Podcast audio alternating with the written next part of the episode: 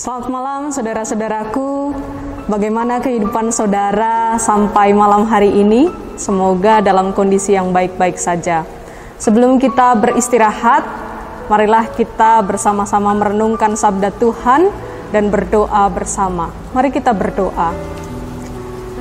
Ya Tuhan, kami bersyukur kami masih hidup sampai malam hari ini. Tuhan memberikan kemampuan kepada kami untuk tetap bisa melakukan kegiatan sampai pada malam hari ini. Tuhan, sebelum kami beristirahat, kami ingin menyatukan hati di dalam doa dan mendengarkan firman-Mu. Berkatilah kami ya Tuhan, di dalam namamu yang kudus kami berdoa dan memohon. Amin. Saudara-saudaraku, marilah kita membuka Alkitab kita dari Matius pasal 4 ayat 1 sampai 11. Matius pasal 4 ayat 1 sampai 11 saya bacakan demikian. Maka Yesus dibawa oleh roh ke padang gurun untuk dicobai iblis dan setelah berpuasa 40 hari dan 40 malam akhirnya laparlah Yesus. Lalu datanglah si pencoba itu dan berkata kepadanya, jika engkau anak Allah, per, perintahkanlah supaya batu-batu ini menjadi roti. Tetapi Yesus menjawab, ada tertulis, manusia hidup bukan dari roti saja, tetapi dari setiap firman yang keluar dari mulut Allah.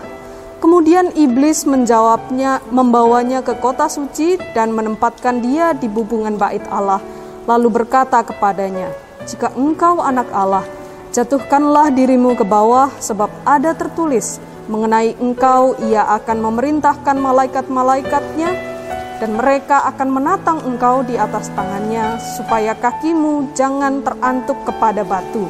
Yesus berkata kepadanya, "Ada pula tertulis, Janganlah engkau mencobai Tuhan Allahmu."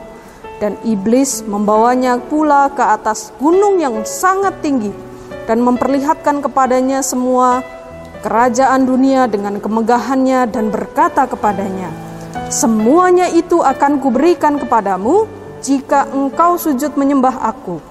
Maka berkatalah Yesus kepadanya, Nyahlah iblis, sebab ada tertulis, engkau harus menyembah Tuhan Allahmu, dan hanya kepada dia sajalah engkau berbakti.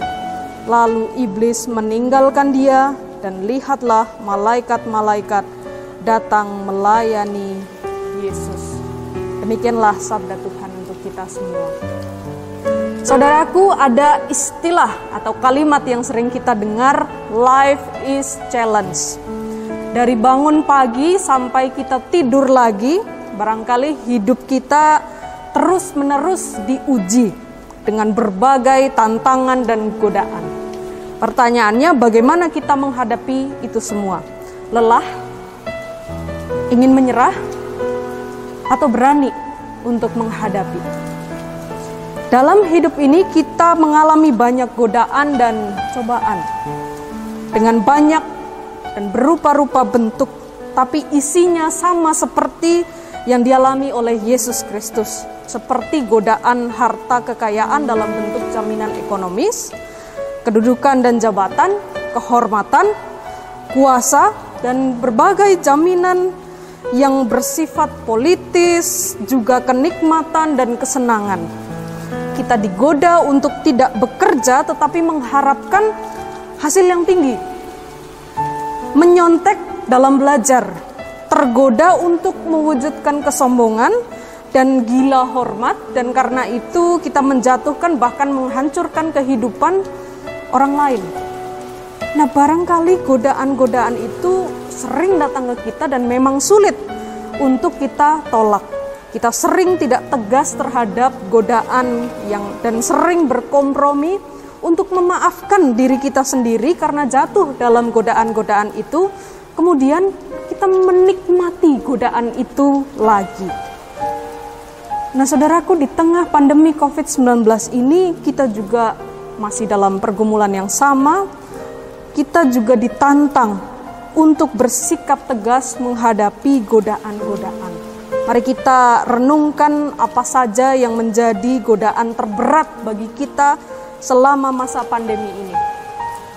Tapi kita juga belajar dari Yesus untuk tegas dan dalam cobaan dan godaan.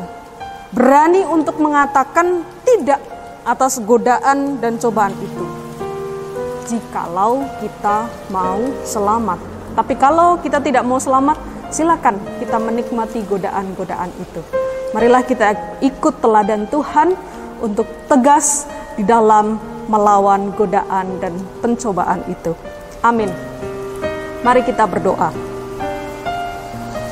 Tuhan di masa prapaskah ini jauhkanlah kami dari godaan-godaan dunia. Namun jikalau godaan itu engkau izinkan untuk menghampiri kami, tolonglah agar kami senantiasa berpegang teguh untuk tegas melawan godaan itu. Ajarkanlah kami untuk tidak mengandalkan kekuatan dan kemampuan diri kami sendiri. Dan ajarlah kami untuk senantiasa mengandalkan bantuan, rahmat, dan kekuatan dari Allah. Pada malam hari ini kami berdoa bagi banyak orang yang berjuang dengan pergumulan dan rupa-rupa godaan yang mereka hadapi. Kiranya Engkau berkenan menolong mereka. Kami juga berdoa bagi pemerintah negeri kami Indonesia yang berupaya mengadakan vaksin COVID-19 secara masif bagi seluruh masyarakat. Kami juga berdoa bagi orang-orang yang karena keterbatasan kesehatan tubuhnya maka tidak bisa mengikuti program vaksin yang diwajibkan oleh pemerintah. Kiranya mereka tetap selamat dari COVID-19 karena kekebalan massal yang terbentuk dari orang-orang yang sudah divaksin. Tuhan, pada malam hari ini kami hendak beristirahat. Kami mohon penyertaan dan perlindungan-Mu di misteri malam ini. Berilah kepada kami kehidupan dan kesehatan di esok pagi. Dalam nama Tuhan Yesus Kristus kami berdoa. Amin.